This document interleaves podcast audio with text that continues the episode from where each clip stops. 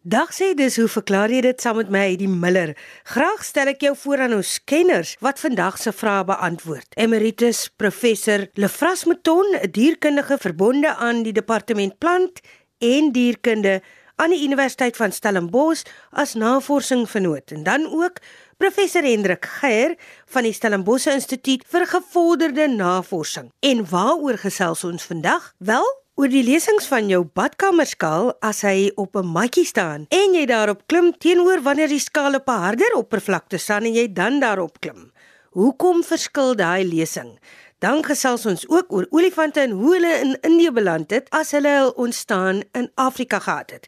En ons vind ook uit oor radiogolwe en hoe hulle mens en dier affekteer. Maar laat ons sommer die storie afskop met eersgenoemde en laasgenoemde vrae. Hendrik Geier beantwoord vandag twee vrae. Die eerste het hy ontvang van Pieter Lategan en dit lees as volg: Ek vind dat my badkamer skaal verskillende lesings gee as dit op die vloer of op die matjie staan. Ek het dit afgeneem met my kamera, dan het Pieter vir ons daai lesings ingesluit. Dan is daar nog 'n vraag wat Hendrik beantwoord van Maritjie Logner. Ek lees: Ons woon aan die rand van Victoria Wes en op die koppie agter ons huis is daar baie jare gelede 'n selfoontoring opgerig. Vir die eerste deel van 10 jaar al broei daar 'n wit kruisarend heel bo in die toring en maak hulle getrou 'n kuiken groot. My vraag is nou, affekteer die radiogolwe hulle glad nie en wat van mense? Ek hoor en luister hoe gevaarlik 5G vir ons gaan wees, maar hoe verskil dit van 4G en hoekom is dit gevaarlik vir ons? Baie dankie vir 'n wonderlike leersame program, skryf Maritjie dan. Hendrik, oor na jou. Pieter uh, gee nie enige ander inligting nie, maar as 'n mens nou na die stel foto's kyk wat hy gestuur het, is daar een stel wat die skaal op 'n harde oppervlak toon. Ek neem aan uh, in sy in sy badkamer. Uh eerstens is daar lesing uh wat 0 wys uh, wanneer hy nie op die skaal staan nie. Dan is daar 'n foto waar hy met sy kaal voete op die op die skaal staan en dan ook een uh, waar hy met 'n paar skoene op die skaal staan. So dieselfde fotos uh, word dan ook gewys waar die skaal op 'n maatjie staan en inderdaad is dit so uh dat vir die geval van die maatjie uh registreer die skaal omtrent so 5 kg meer. Nou uh is nie duidelik of dit net die skoene is wat die 1 kg verskil maak uh en of daar ander klerasie ter sprake is in die tweede stel fotos nie, maar hoe ook al die boodskap is duidelik. Op die maatjie toon die skaal 'n hoër uh, lesing uh, as wanneer dit op 'n harde oppervlak staan. Ek uh, dink nie ons is eintlik veronderstel om 'n reklame op hierdie program te maak nie, Heidi. Uh, maar uh, as dit reklame vir ons eie program is, is dit miskien tog uh, aanvaarbaar. Uh, ek wil naamlik verwys daarna dat uh, hoe verklaar jy dit uh, so 'n paar jaar gelede die eerste keer in 2016 'n volume vrae en antwoorde uitgegee het onder die titel hoe verklaar jy dit uh, en as Pieter nou 'n kopie van die boek gehad het sou hy nie nodig gehad het om vir my te skryf of vir jou te skryf nie want hoofstuk 59 se opskrif is hoekom weeg 'n mens swaarder wanneer jou skaal op 'n dik mat staan 2016 is daar al 'n entjie in die verlede. Uh duidelik het nie almal uh hierdie boek onder oor noodwendig gehad nie en uh is daar dalk nou met die dat almal ingehok is ook groter belangstelling in presies wat 'n mens se badkamerskaal vir jou sê.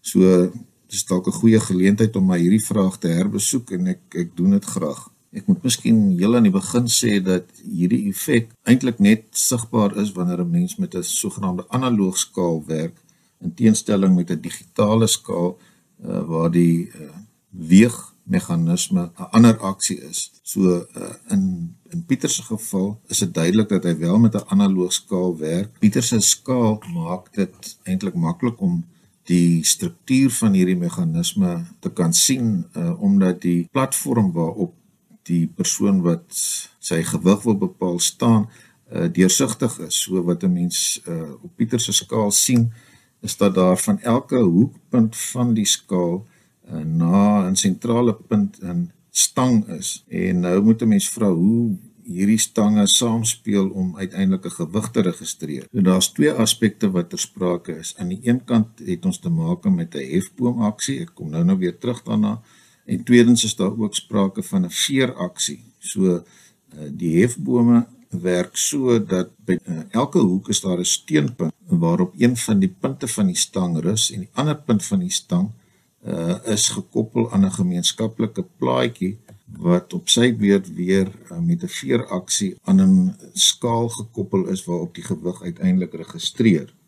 Uh, mens kan die werking dus so beskryf dat wanneer jy nou op die skaal klim, jy 'n hefboomaksie op elkeen van die vier stange uitoefen. Daardie stange beïnvloed die middelste plaatjie almal gelyktydig uh deurdat hulle effentjies uitsak en dan met behulp van 'n veerakkie soos ons reeds gesê het 'n versyferde plaat in werking stel wat die gewig registreer. Nou normaalweg word hierdie skale op 'n harde oppervlak geuit en die rede waarom 'n matjie nou 'n invloed het is dat as jy nou onthou dat die die effek van jou gewig nie net die hefboom aksie op die stange is nie maar eintlik ook die hele raam van die uh, skaal kan beïnvloed moet 'n mens nou onthou dat wanneer jy dit op 'n matjie sit eerstens die vier voete effentjies in die mat insak en die middelpunt van die skaal ook tot 'n groter mate deur die mat ondersteun word. So die mate van uitsakking is dus uiteindelik nie heeltemal soveel soos wanneer die skaal uh, op 'n harde uh, oppervlak geplaas word nie. So normaalweg uh, as jy nou op die skaal staan, sal die effek wees dat die steunpunte effentjies na binne toe gebuig word en op hierdie manier die lengte van die hefboom uh, beïnvloed en uiteindelik op die manier ook direk natuurlik die die meting van die gewig.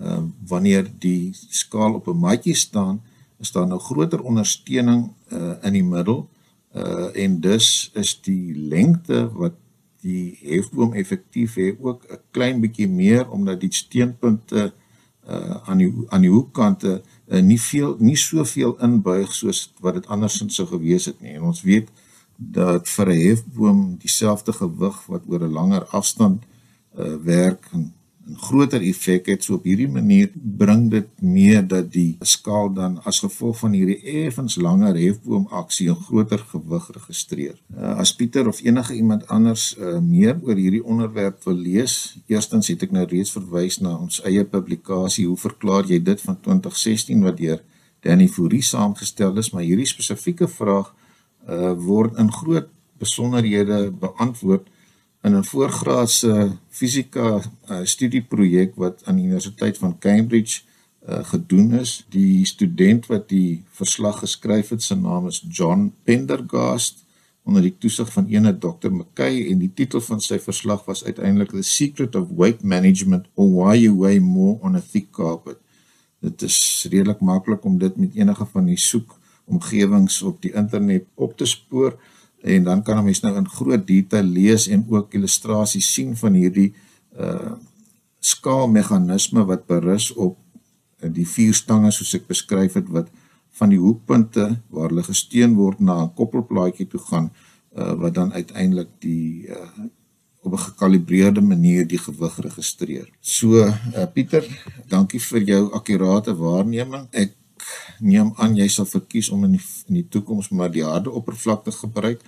Uh, maar ten minste weet jy nou dat daar 'n rasionele rede is waarom jou skaal uh wys wat hy wys en doen wat hy doen. Uh net weer digitale skale se uh, meet meganisme uh, is op op 'n ander beginsel geskoei en daar is hierdie effek vir alle praktiese doeleindes nie sigbaar nie. Ehm um, Heidi, dan wil ek kortliks aandag gee aan 'n vraag wat ons van Maritjie Logner van Victoria Wes gekry het. Sy skryf as volg: Ons woon aan die rand van Victoria Wes en op die koppie reg agter ons huis is daar baie jare gelede 'n selfoontoring opgerig.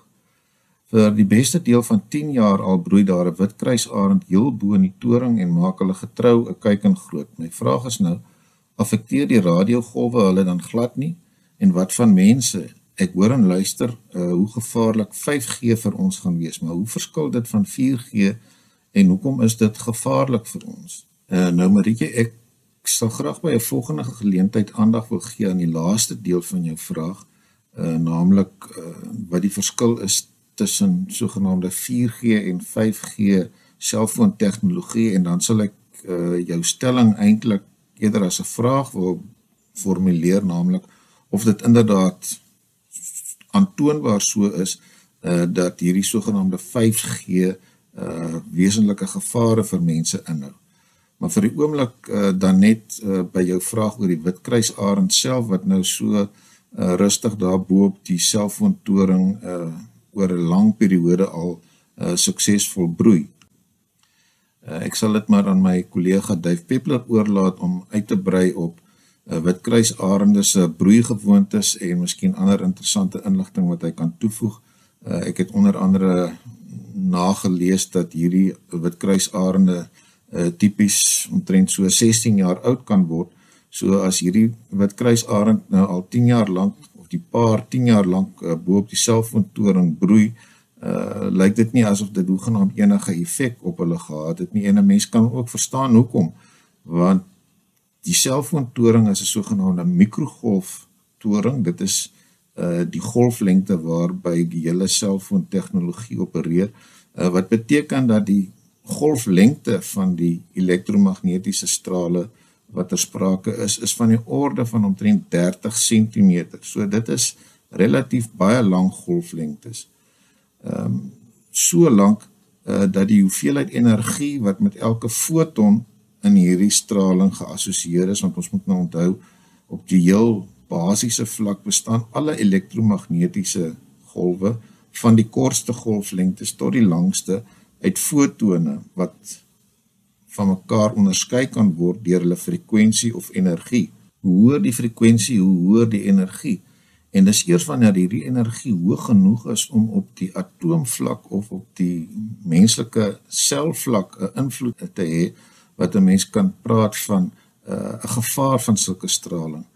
Uh vir ultravioletstrale byvoorbeeld is die golflengtes waarvan ons praat is omtrent uh, 100 tot 400 nanometer is uh 'n nanometer is 1000 miljoenste van 'n meter. Vergelyk dit nou met radiogolwe in die mikrogolfgebied nou, waarvan ons pas gepraat het, uh dan kan 'n mens aanvoel en dit is inderdaad die ook die geval uh dat mikrogolwe van met 'n golflengte van omtrent 30 cm nie naaste by genoeg energie het om op die atoomvlak elektrone van 'n atoom te kan stroop as dit ware nie. Dit is 'n sogenaamde ioniseringsproses en as daardie prosesse op groot skaal in biologiese stelsels aan die gang gesit word, kan dit inderdaad skadelik vir die organisme wees. Uh, daar kan sprake wees van genetiese uh, materiaal wat wat beskadig word of verander word. 'n hele reeks van prosesse wat skadelik kan wees.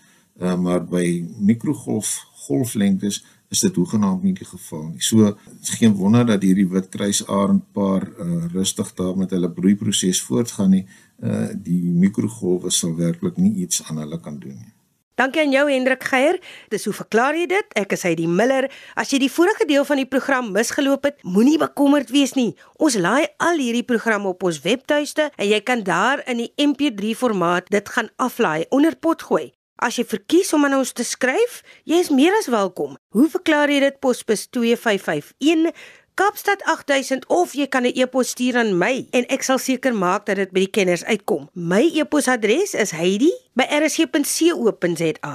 Ek spel altyd my naam want anders gaan jy my nie in die hande kry nie. Dis 'n ongewone spelling en dit is H A I D E E Heidi. H A I D E E by rsg.co.za. Lefras het reg om die volgende vraag te beantwoord. Ek lees dit gou vir jou. Die brief kom van Willie Loupsher wat wil weet hoe olifante in Indië beland het as hulle hul ontstaan in Afrika gehad het. Hy skryf: Ek verwys na die gesprek oor klaasneuse en hul verwante op die 31ste Mei 2020. Ek aanvaar sonder voorwaarde hierdie verduidelikings, maar wonder oor olifante. Het die Indiese olifant oorland of as gevolg van kontinentale verskywings in Indië beland? Ek het ook 'n tyd gelede 'n video-opname gesien wat onder andere oor 'n inheemse Chinese olifantbevolking gehandel het. Hoe het hulle in die volgens die program Chinese tropiese of subtropiese woude beland? Met migrasie voor die kontinentale verskywing wat tot die kontinent se ontstaan gelei het. Ek hoor graag hoe die groepe verwant is en versprei het. Heidi en luisteraars, dankie vir jou navraag Willie.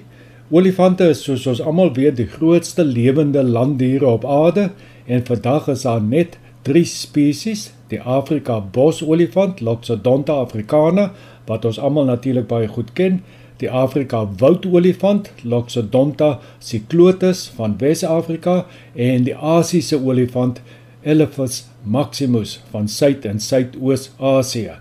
Nou beide die Indiese en Chinese olifantbevolkings waarna Willie verwys, behoort tot die Asiese olifant. Die Afrika olifante word gekenmerk deur 'n konkawe of hol rug en groot ore terwyl die Asiese olifant weer 'n konvekse of bol rug en kleiner ore het. Olifante behoort tot die orde Proboscidea wat behalwe vir die 3 lewende spesies ook 'n groot aantal uitgestorwe spesies van olifante en olifantagtiges insluit. Ongeveer 180 spesies in totaal. Die vroegste fossiele van olifante of olifantagtiges uh, is in Afrika gevind en dateer uit die laat Paleoseen, so 60 miljoen jaar gelede. Uh soos ons in 'n vorige program genoem het, was Afrika van so 105 miljoen jaar gelede tot uh 30 miljoen jaar gelede as gevolg van kontinentale drywing van ander kontinente insluitende die Indiese plaat geïsoleer. Die Indiese plaat was op hierdie stadium besig om noordwaarts te dryf nadat dit van Gondwanaland losgebreek het. Gedurende hierdie tyd van isolasie het 'n eie unieke Afrika soogdierfauna, die superorde Afrotheria, wat olifante, dugongs, dassies, die aardvark, klaasneuse en die goue molle insluit op Afrika gediversifiseer. 'n Goeie 20 tot 30 miljoen jaar van diversifikasie van olifante het op die vasteland van Afrika plaasgevind terwyl die kontinent nog van ander landmassas geïsoleer was. Die vroegste olifantforme was relatief klein en akwaties, met ander woorde was waterlewend, maar latere forme het in woude en oop bosveld begin lewe. Teen 30 miljoen jaar gelede, wil dit is nou belangrik, het Afrika in die noorde as gevolg van kontinentale drywing met die Europa-Asië landmassa kontak gemaak.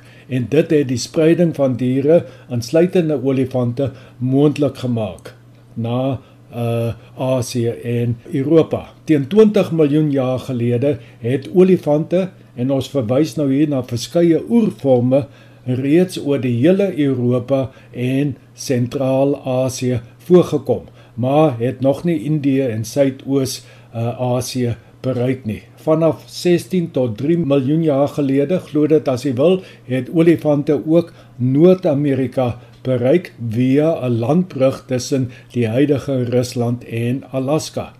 En vanaf Noord-Amerika het hulle ook na Suid-Amerika versprei. Nou die Asiese olifant, Elephas maximus, is nie 'n direkte nageslag van die oorspronklike olifantagtiges wat Europa en Asië teen 20 miljoen jaar gelede uh, bereik het nie. Die genus Elephas het in die waarheid tussen 5 en 3 miljoen jaar gelede in Sub-Sahara Afrika ontwikkel uit uh, die Afrika genus of 'n spesies uh, van uh, Prim Elephas.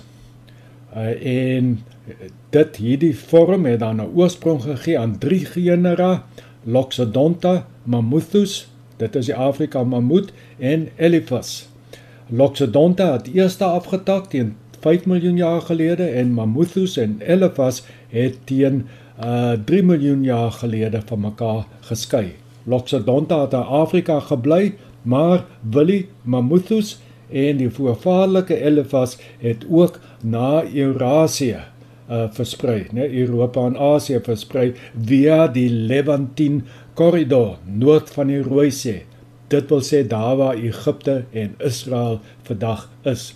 Teen die begin van die Pleistoseen, so uh 1 en 'n half miljoen jaar gelede, het olifante 'n hoë graad van spesiasie bereik en dit is ook die tyd wat die grootste landsoogdier van alle tye, die olifant Paleoloxodon namadicus, sy verskyning gemaak het. Hierdie massiewe olifant wat tot 5 meter skoue hoogte gemeet het, het in Asië vanaf Indië tot Japan voorgekom. Dit het teen 24000 jaar gelede uitgesterf. Nou gedurende die Pleistoseen het daar ook verskeie dwerg olifant spesies op eilande wêreldwyd voorgekom.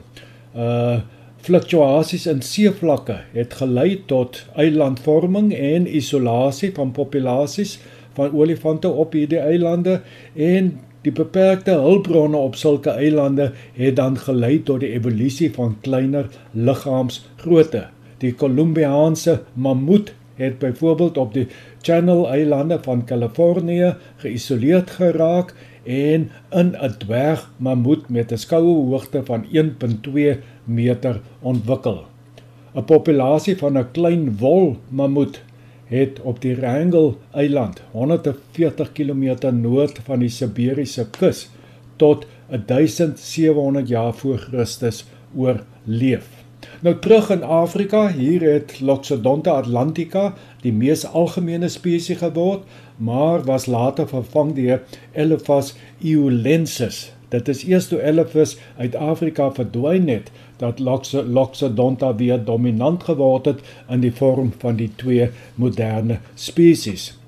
In Asië het die voorvaderlike Elephas uh, wat uit Afrika gearriveer het, 'n nuwe spesies gediversifiseer, onder andere Elephas platycephalus, die waarskynlike voorvader van die moderne Asiëse olifant.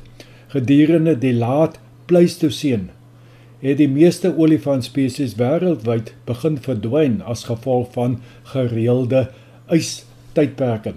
Die Asiëse olifant Elephas maximus het historiese wye verspreiding gehad vanaf suidoos Turkye deur Iran, Pakistan, die hele Indië, Sri Lanka, Myanmar, suid en oos China en suidwaarts deur Thailand, Laos, Kambodja tot in Sumatra en noordoos Borneo. Vandag is die verspreiding baie meer beperk met slegs enkele populasies op die Indiese vasteland en ook in Suidoos-Asië. In China kom daar enkele populasies in die Yunnan provinsie in die suide voor. Die Asiëse olifant se getalle het oor die laaste 70 jaar met ten minste 50% afgeneem en dit word toegeskryf aan verlies aan habitat, habitat degradering en fragmentasie en dan ook stroping. Nou wil hy om op te som, die voorvader van die Asiëse olifant was 'n relatief onlangse aankomeling in Suidoos-Asië vanuit Afrika, so tussen 3 en 2 miljoen jaar gelede via die landkorridor noord van die Rooi See. Op daardie stadium het die Indiese plaat lankal reeds sy noordwaartse drywing tot teenoor uh Eurasië, dit wil sê Europa en Asië voltooi en kontinentale drywing was dus nie 'n direkte faktor in die ontstaan van die Asiëse olifant nie teen die tyd dat olifantagtiges op Afrika begin ontwikkel het, het die Indiese plaat ook al lankal reeds weggebreek van Gondwanaland en daar was dus geen voorvaarlike olifantagtiges op die plaat teenwoordig nie. Dan die Chinese populasie van die Asiëse olifant waarna jy verwys, is 'n oopblyfselpopulasie van 'n eens wyd verspreide populasie in Suid en Suidoos Asië. Dankie aan ons kenners Lefras Meton wat pas gesels het en Hendrik Geier wat heel eerste gesels het. Aanstaande week vertel Yuri van en vir jou meer oor snaakse sedimentêre gesteentes in Nieu-Seeland en hy gesels ook oor die funksionele leeftyd van bladvere en rubber. Wel, ek hoop jy skakel aanstaande week weer in. Lekker sonnig vir jou.